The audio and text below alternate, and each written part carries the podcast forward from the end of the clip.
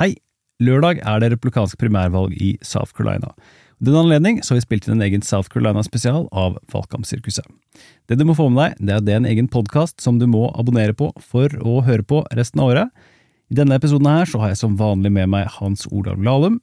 Her får du et lite utdrag, og så er det bare å abonnere på podkasten for å få med deg resten. Yes, we can.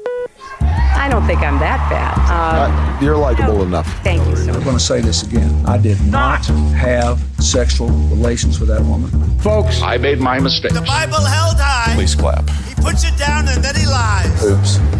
Now watch this drive. The circus continues. We will not give up. South Carolina er jo ofte den første av de store statene som kommer inn, og det er da man går litt sørover, da. Hvor det tradisjonelt for demokratene har vært mer konservative kandidater som ofte har eh, vunnet fram.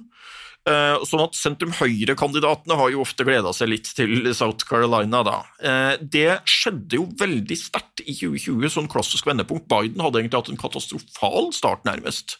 Og jeg var en av flere som på det tidspunkt trodde at engasjementet for Biden, at det var så få som virkelig ønsket ham som kandidat, sånn det så ut, at jeg ble tvilende til det. Men så er det et sånn lite øyeblikk som sitter klistra fra 2020.